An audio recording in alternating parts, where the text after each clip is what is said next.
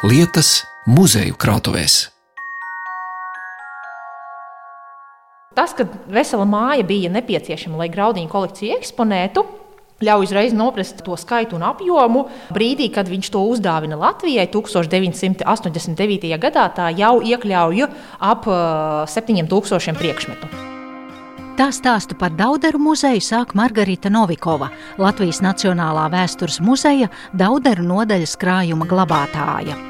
Runa ir par Vācijā dzīvojošo Gaidi Graudiņu, kurš pagājušā gadsimta 60. gados tur sāka kolekcionēt ar Latviju un latviešiem saistītus kultūra vēsturiskus priekšmetus, atvēra savā mājā Latviešu muzeju, bet kopš pagājušā gadsimta 90. gadiem Gaidis Graudiņš lielu daļu savas kolekcijas uzdāvināja plašākai latviešu sabiedrībai. Proti kopš tiem laikiem viņš regulāri ar saviem dāvinājumiem iepriecina Dauderu muzeja apmeklētājus, bet pirms tam ieskats gaida graudiņu kolekcijas vēsturē. Tie ir ļoti dažādi. Sākot no lietiskiem priekšmetiem, jā, sudraba izstrādājumi, monētas, tautas tērpi, kas ir darināti 80. gados trimdā, un beidzot ar fotografijām, vēstulēm, diplomiem, kas sastāda lielāko kolekcijas daļu. Un šie priekšmeti ļoti daudzveidīgi. Ja? Tas eh, raksturo gan graudiņu kolekciju kā privātu kolekciju, gan arī ir šīs kolekcijas īpatnība, jo atšķirībā no parastajiem kolekcionāriem, kas parasti vāc kaut kādu noteiktu priekšmetisko grupu, piemēram, pastmarkas, Gaidis Graudiņš trimdā vāca visu, kas saistījās ar Latviju. Bet, kā jau privāta kolekcija, lielākā daļa priekšmetu ir anonimizējusies. Proti, viņš nebija muzeologs, protams, viņš neveica uzskaiti, un lielākoties, ja nav kaut kādi numuri, gravējumi, veltījuma uzraksti, tad mēs, kā muzejnieki, nevaram nekā uzzināt, no kurienes šis priekšmets nāk, kāds ir tā liktenis, kā viņš ir nonācis trimdā, vai viņš ir devies kopā ar savu saimnieku 44. gadā prom no Latvijas, vai to izveda ar kontrabandu jau no Latvijas PSR. To mēs nevaram uzzināt un tāpēc šie stāsti ir zuduši. Arī šie priekšmeti lielākoties nav saistīti piemēram ar šī nama, šīs vietas vēsturi. Jūs savā raidījumā ļoti daudz stāstat par novadu muzejiem, kur priekšmeti krājumā tieši saistās ar to vietu. Daudzos lielākoties krājums tāds nav. Bet tomēr ir daži priekšmeti, kas netieši saistās ar šo vietu, un šajā raidījumā skatīsim publiskas dāvanas, kas raksturo Ulmaņa režīmu, uzzināsim, kā te nonāca izcilā latviešu ainavista Vilhelma Purvīša glezna un kāpēc padomju laikos tika aizkrāsoti šī nama kabineta graznie griesti. Dauderu muzejā, kas atrodas bijušajā alus darītavas Valdšlosena īpašnieka Adolfa von Bingnera saurupmājā 1937. gadā, ierīkoja vasaras rezidenci toreizējam valsts prezidentam Kārlim Ulmanim. Tas bija Latvijas kredītbankas dāvinājums vadonim. Kārlis Ulmanis rezidencē uzturējies ir neregulāri, taču, kā liecina Latvijas valsts kino fotofono dokumentu arhīva materiāli, tad dažas reizes te pie Ulmaņa ir viesojies ģenerālis Jānis Balodis, toreizējais kara ministrs un arī viens no Ulmaņa režīma sejām. Par priekšmetiem, kas reiz dāvināti Jānim Balodim, turpina Margarita Novikova. Tās ir dāvanas, kuras pasniedza Latvijas armijas ģenerālim Jānim Balodim, kā kara ministram, laikā, kad viņš līdzdarbojās teikt, autoritārā režīma politikā. Es skatos uz ļoti greznu sudraba, es minu šķīvi ar uh, rotājumiem. Nu, tas ir pilnīgi, es saprotu, dekoratīvs suvenīrs. Ikdienā tādu nelietoja. Un tad sudrabota kaste, bet jājautā jums, kas tas ir. Tā jūs slēdzat vaļā vitrīnu. Mūsu priekšā ir sudraba lāde. Tā ir izgatavota Rīgā, spriežot pēc meistara zīmes un proves zīmes, bet, diemžēl, nav noteikts vēl, kurš konkrēti sudrabkalis to ir izgatavojis. Te ir gravējums, misiņa iniciāli JB, Jānis Balodis un virsū arī emaljēts Latvijas ģērbonis. Un iekšā mēs redzam gravējumu augsti godātam kara ministram, ģenerālim Jāņa Baloža kungam, Nacionālās armijas vadītājam, atceroties 16.10.1919. no ministru prezidenta Kārļa Ulmaņa un ministru kabineta locekļiem. Un šī lādīte ir uzdāvināta 1934. gada 16. oktobrī. 16. oktobris ir diena, kad Jāni Balodi ieceļ par Latvijas armijas virspavēlnieku. Bet nu, tā lāde, es skatos, tie rotājumi, kas ir iegravēti tajā sudrabā, nu, tas ir tas tautiskais art deko. Jā, tieši tā, tāds etnogrāfisks ornaments, ar kuru bija populāri 30. gados visu rotāt. Un iekšā lādīta ir arī mīsiņa pārklājuma un smūgs rokraksta gravējums. Ir. Nākamais priekšmets mums arī ir ļoti zīmīga liecība. Tas, tas ir sudraba šķīvis, kas ir pasūtīts Jāņa Rīdus sudrabkaļu darbnīcā Rīgā. Tā toreiz bija slavena, ļoti populāra sudrabkaļu darbnīca. Reliefs te ir četras ainavas no aizsargu organizācijas dzīves. Tātad, nu, es domāju, daudzi zinās, aizsargu organizācija bija tāda paramilitāra organizācija Latvijā, kas dibināta 1990. gadā, arī tajā 30. gadu beigās, kā liecina pētījumi, bija ap 68,000 biedru, jeb 3,6% Latvijas iedzīvotājiem. Tā tāda masveida organizācija bija šķīvī mēs redzam arī aizsargu nozīmes reliefu attēlojumu un arī atkal etnogrāfisku ornamentu. Pašā centrā ir veltījums aizsargu organizācija 20 gados savam goda šefam, ģenerālim Jānim Balodim. Tā, un te mēs skatāmies uz auseklīšiem, un auseklīšos iekšā ir iestrādāts zobens, burts A, aizsargi, ja es pareizi saprotu. Tad tautiski raksti, un tas viss ir sudrabā, bet visvairāk man uzmanību piesaista šķīvis ir dekoratīvs suvenīrs, tādos lielos apļos, reliefā ir iestrādāti attēli. Nu, šis man šķiet vienkārši fantastisks. Es skatos uz divām cilvēku figūrām, gāzmaskās. Fonā ir lidmašīnas, tas viss ir sudrabā izgrebts. Tad mēs redzam Latvijas armijas kareivjus ar ieročiem. Ierakumos viņi sēž un tēmē uz kādu Nu, te, te var runāt tiešām par to māksliniecisko vērtību, nu, cik sīki, smalki un filigrāni. Tur sevišķi tas, jā, kur tas gaisa uzlidojums un kur ir karēvi, gāzmaskās, ka var redzēt to gāzmaskas snuķi un vēl te viņiem Te ir nozīmītas, nu, sīk, sīkas tās detaļas uzzīmētas. Mm -hmm. nu, Jāņa Rītas sudrabkaļa darbnīca bija tiešām slavena ar saviem izstrādājumiem, ļoti dažādiem. Un par šo šķīvi attiecīgi mums ir informācija, jā, jo tā ir jau ir publiska dāvana no vienas organizācijas kara ministram. Kā mums ziņo valdības vēstneša 65. numurs 1939. gadā, 19. martā notika organizācijas dibināšanas gada svētki svētki, un arī Rīgā notika lielais svinīgais akts. Tas norisinājās toreiz tikko nesen uzceltajā sporta namā. Mūsdienās tā ir teritorijas Tārta ielā 5F Rīgā, un tur piedalījās arī valsts vadība Kārlis Ulmanis, Jānis Balodis un citi. Un tieši iespējams, ka šis šķīvis ir pasniegts ģenerālim Jānim Balodim toreiz. Jā, par to preses rakstā konkrēti nemin, bet uh, rakstā ir minēts, ka uh, sabiedrisko lietu ministrs Bērziņš, kas skaitījās uh, aizsargu organizācijas virspavēlnieks, svinīgajā runā ļoti pateicās gan Kārlim Ulmanim, gan Jānim Balodim par organizācijai sniegto atbalstu. Un var pieņemt, ka šī ir pateicības dāvana tieši aizsargu organizācijas 20 gados. Arī par nākamajām dāvanām toreiz tika ziņots presē.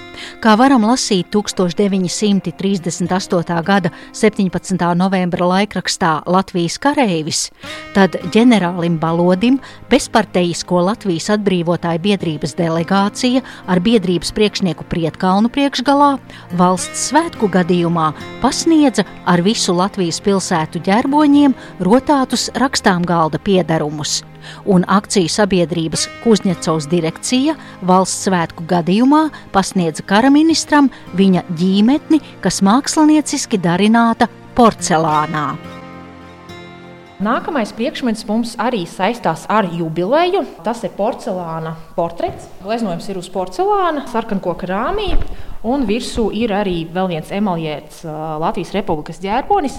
Un aizmugurē mēs redzam veltījumu augsti godējamam kara ministram, ģenerālim Jāņa Baloža kungam, Latvijas valsts pastāvēšanas 20 gadu atcerēji 1918. gada 18. novembrī līdz 1938. gada 18. novembrī no akcijas sabiedrības MS Kuznitsovs Rīgā. Un, um, zīmēs ir Jānis Barkovskis un uh, rokdarbu veicis Vladimirs Kandījevs.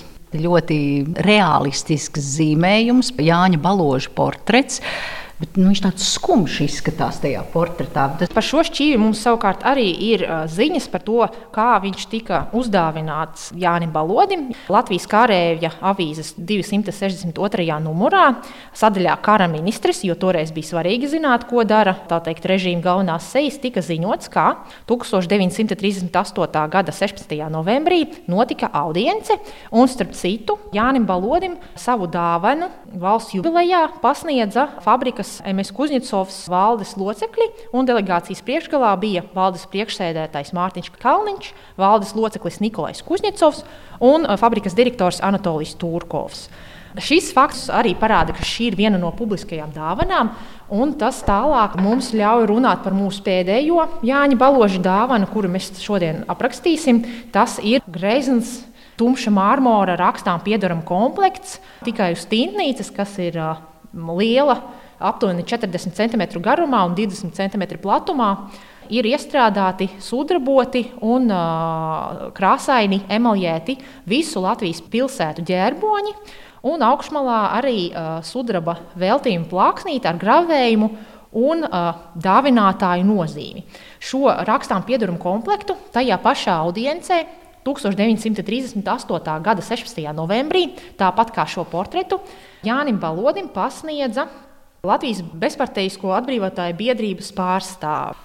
Vai ir zināms, kur ģenerālis Balodis šīs eh, visas eh, nu, reprezentatīvās dāvanas ir turējis un kā viņš bija vērtējis? Starp citu, tas ir tālākais stāsts par to, kā šīs visas lietas, kuras es tagad esmu aprakstījusi, kā viņas atšķirās. Viņas vieno tas, ka tās ir piederējušas Jānim Balodim, un viņas ir kaut kādu brīdi glabājušās viņa dzīvoklī Rīgā.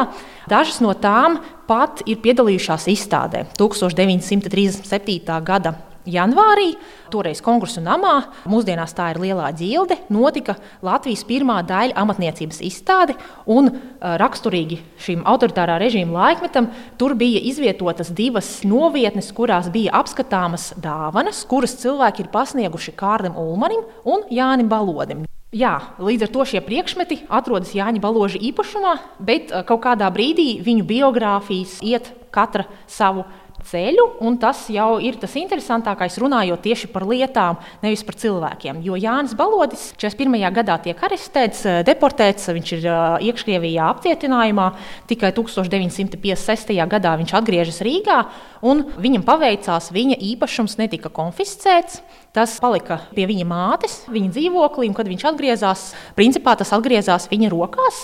Savukārt jau pēc Jāņa Baloža nāves 1965. gadā pamazām visas šīs vērtības izklīst, jo sievas radinieki tos pārdot. Viņa radinieki, lai izdzīvotu, lai gūtu papildus līdzekļus šajā smagajā laikā, viņi vienkārši bija spiesti šīs vērtīgās lietas, kas ir no sudraba, no porcelāna, jā, tad tām tiešām ir mākslinieciskā vērtība pārdot lai izdzīvotu. Un tā šis mantojums uh, izklīst. Lielākoties centās pārdot muzejiem, tā arī Latvijas Nacionālajā vēstures muzejā nonāca Latvijas kara ordeņa pilns komplekts, bet uh, attiecīgi jā, citi priekšmeti aiziet uh, uz antikvariātiem, uz privātām kolekcijām, iespējams kaut kādā melnajā tirgū. Mēs tiešām nezinām, jo daļa no šiem priekšmetiem, tātad šie trīs konkrēti priekšmeti, nonāk gaida graudiņa kolekcijā. Un noslēdzot ulmaņlaiku priekšmetu apskati, lieta, kura iespējams savulaik te ir atradusies. Tā ir dekoratīva lādīte, kuras skaltnes rotā tautiska rakstura ainas. Latviju dēli un meitas tērpušies tautas tērpos veids dažādus darbus.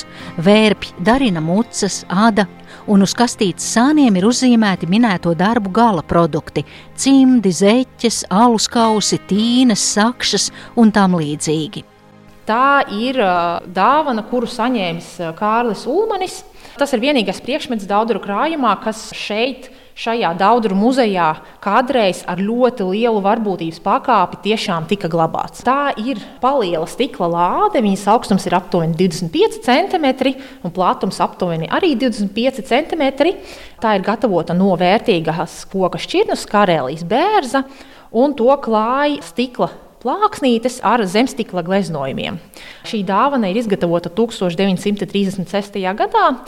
To uz Rīgu atveda Liepais valsts lietišķās mākslas vidusskolas direktors un abiturienti un pasniedza Ulmanim kā cieņas dāvanu. Par to mēs varam lasīt arī. Tas akts bija publisks. Mēs varam lasīt avīzē Latvijas karēvis 138. numurā.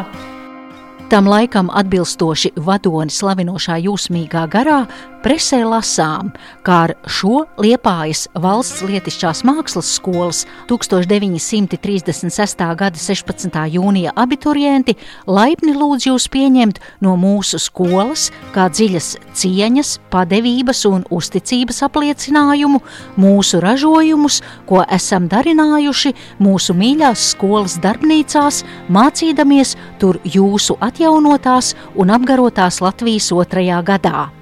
Jūsu nestais jaunā laika, darba un vienības gars ir visdrošākā ķīla, ka mūsu darbs lietišķās mākslas laukā vienmēr un visur būs veltīts mūsu mīļai latviskai Latvijai. Un šī lāde arī ir interesants priekšmets, jo tā 1937. gada janvārī līdzās citām baložu dāvanām un citām Kārļa Ulmaņa dāvanām piedalās manis minētajā pirmajā Latvijas daļmatniecības izstādē Lielajā ģildē.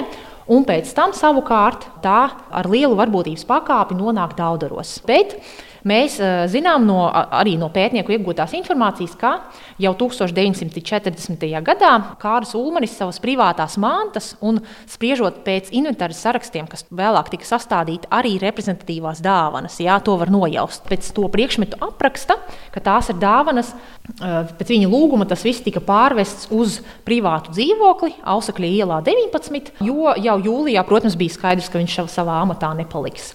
Un jau Pēc tam, kad Ulmani deportē, šīs visas mantas tika aprakstītas un viņas tika nogādātas uz Rīgas pili. Pēc tam jau arī to likteņi sadalījās. Daļa nonāca muzejā, daļa tika izlaupīta, daļas likteņus ir jāpēta, viņus nevar noteikt. Un šī karēlijas bērza lādīte ir viens tāds interesants priekšmets, jo Kaut kādā brīdī viņi nonāk privātajās rokās. Kurā brīdī, vai tas ir, kad cenzūras dēļ viņu izslēdz no krājuma, vai viņu izzaga no Rīgas pilsētas jau otrā pasaules kara laikā, to mēs nezinām. Tas mums ir slēpts. Bet 1994. gadā viena privāta persona to pārdod Dauduru muzejam par 250 latiem. 94. gadā tā ir liela nauda. Un uh, no tā brīža viņi atrodas šeit, Dauduru muzejā, Dauduru kolekcijā.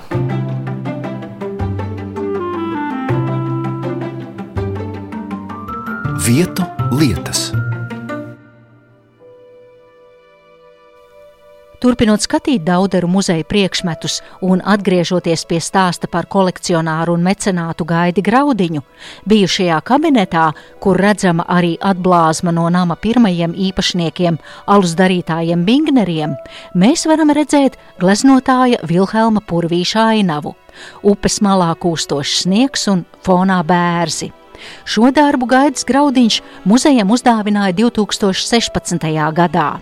Ļoti raksturīgs stāsts par to, kā kolekcionāri iegūst savā īpašumā priekšmetus un cik svarīgi viņiem ir tos iegūt. Kā mums tika stāstīts, Gaida Graudiņkungs skatījās kādu izsoli Vācijā un uh, ieraudzīja Pūrvīša gleznu. Protams, saprata, ka viņa pienākums ir to iegādāties un uh, atgriezt Latvijai, bet, diemžēl, kad viņš sazinājās ar izsoles uh, organizētājiem, noskaidrojās, ka glezna jau ir nopirkta.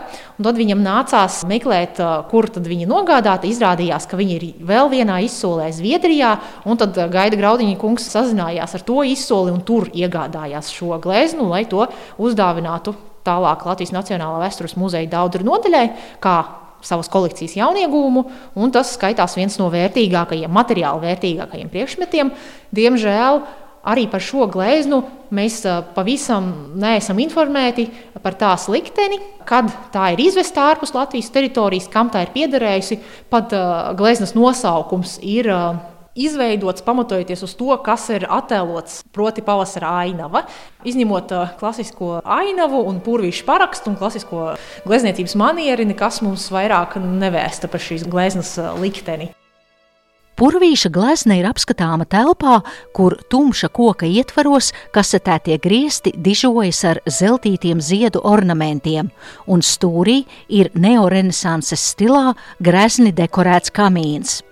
Šīs interjera detaļas glabā stāstus par tiem laikiem, kad nams tika celts – Proti, kad pēc alus darītavas dibinātāja uzņēmīgā latvieša Jāņa Daudes, jeb Johana Daudera nāves, alus darītavu Valdšlosen, jeb Mešpili, pārņem Ādolfs von Bingners, kura darbības laikā alus darītavu piedzīvo strauju izaugsmi un Bingnera kungs alus darītavas teritorijā 1898. gadā uzbūvē ģimenes villu.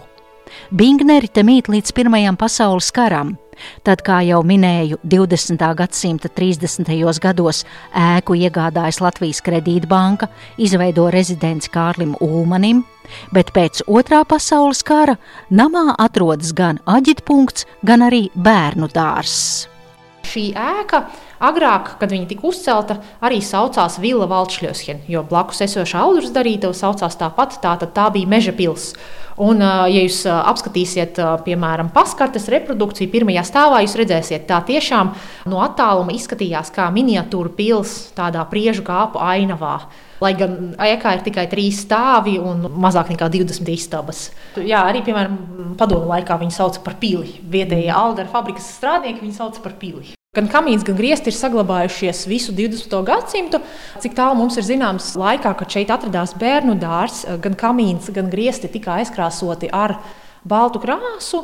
Un pēc tam, jau restaurējot muzeju, pirms tā atvēršanas 1990. gada 27. jūnijā, tad šīs telpas izskats tika atveidots tuvu vēsturiskajam. Es saprotu, ka savulaik ļoti daudzos vēsturiskajos namos tas padomju laika krāsojums bieži vien ir arī kalpojis kā tāds nu, savu veidu eh, konservants ka vieglāk ir bijis pēc tam atjaunot to krāsu, noņemt nost un apakšā tas oriģināls. Vai kā bija šai gadījumā? Grūti spriest. Ziniet, iespējams, ka tas, eh, kā griestus aizkrāsoja, varēja būt saistīts ar to, ka šeit atradās bērnu dārzs. Konkrēti šajā telpā un blakus telpā atradās guļama istaba. Un pētot bērnu dārza vēsturi arhīvā, tātad ir tāds tautas izglītības nodaļas atskaites. Un ne šajā bērnu dārzā, blakus esošajā bērnu dārzā, tepat šajā ziemeļu rajonā, pārbaudas komisija 50. gados atzīmēja, ka bērniem lūk, interjerā ir jāskatās uz tālu esošajiem raibajiem priekšmetiem, kas piesaista uzmanību, un tas esot kaitīgi. Un es toreiz lasot šos dokumentus, padomāju, ka tiešām daudzos arī tā situācija, ka mazi bērni attiecīgi skatās uz tālumu, un tas varētu kaitēt viņu redzes attīstībai. Un varbūt tāpēc aizkrāsoja, varbūt aizkrāsoja, jo tā bija tīrāka. Mēs diemžēl nekad nezināsim. No arhīva dokumentiem var spriest, ka tie saimnieki, kas šeit bija padomi laikā, jā, bērnu dārza direktori, viņi tomēr ar cieņu attiecās pret šo mantojumu, pret šo pili, kā toreiz šo namu sauca, un centās to nebojāt, centās no Aldera alus rūpnīcas panākt finansējumu bērnu dārza atjaunošanai. Bet, protams, šeit bija bērnu dārzs un attiecīgi visas telpas tika pielāgotas bērnu dārza praktiskajām vajadzībām. Tas bija galvenais. Piemēram, tika aizmūrēti kamīni, jā, lai bērni tur neierāptos iekšā skurstenī. Jā, jo es skatos uz to kamīnu, es domāju, nu nekas nepiedienīgs šeit nav. Tepat uz tā kamīna dekoratīvās dzegas, bet te ir tādi rūķi kalēji, mazi bārdaini vīriņi. Nekas piedauzīgs te nav. Te nav ne kaiglas jaunums, ne arī nekas tāds, nu, kas liecinātu, ka kaut kas buržāzī, nu jā, varbūt nu, ļoti liela greznība, bet es domāju, nu bērni varētu pētīt un skatīt kādas detaļas un atrast tālāk, reku tur pienenes, reku tur magonis ir attēlotas. Iespējams, nu, grūti pateikt. Ziniet, diemžēl mums nav dokumentu, kas pateiktu, kāpēc konkrēti tika aizkrāsoti griezti. Te mēs varam tikai no laikmeta konteksta minēt. Ar to arī skan lietu stāsti no Dauderu muzeja, un par to es saku paldies Latvijas Nacionālā vēstures muzeja Dauderu nodaļas krājuma glabātājai Margaritai Novikovai. Raidījumu veidoja Zane Lāce Baltalksne. Vietu lietas.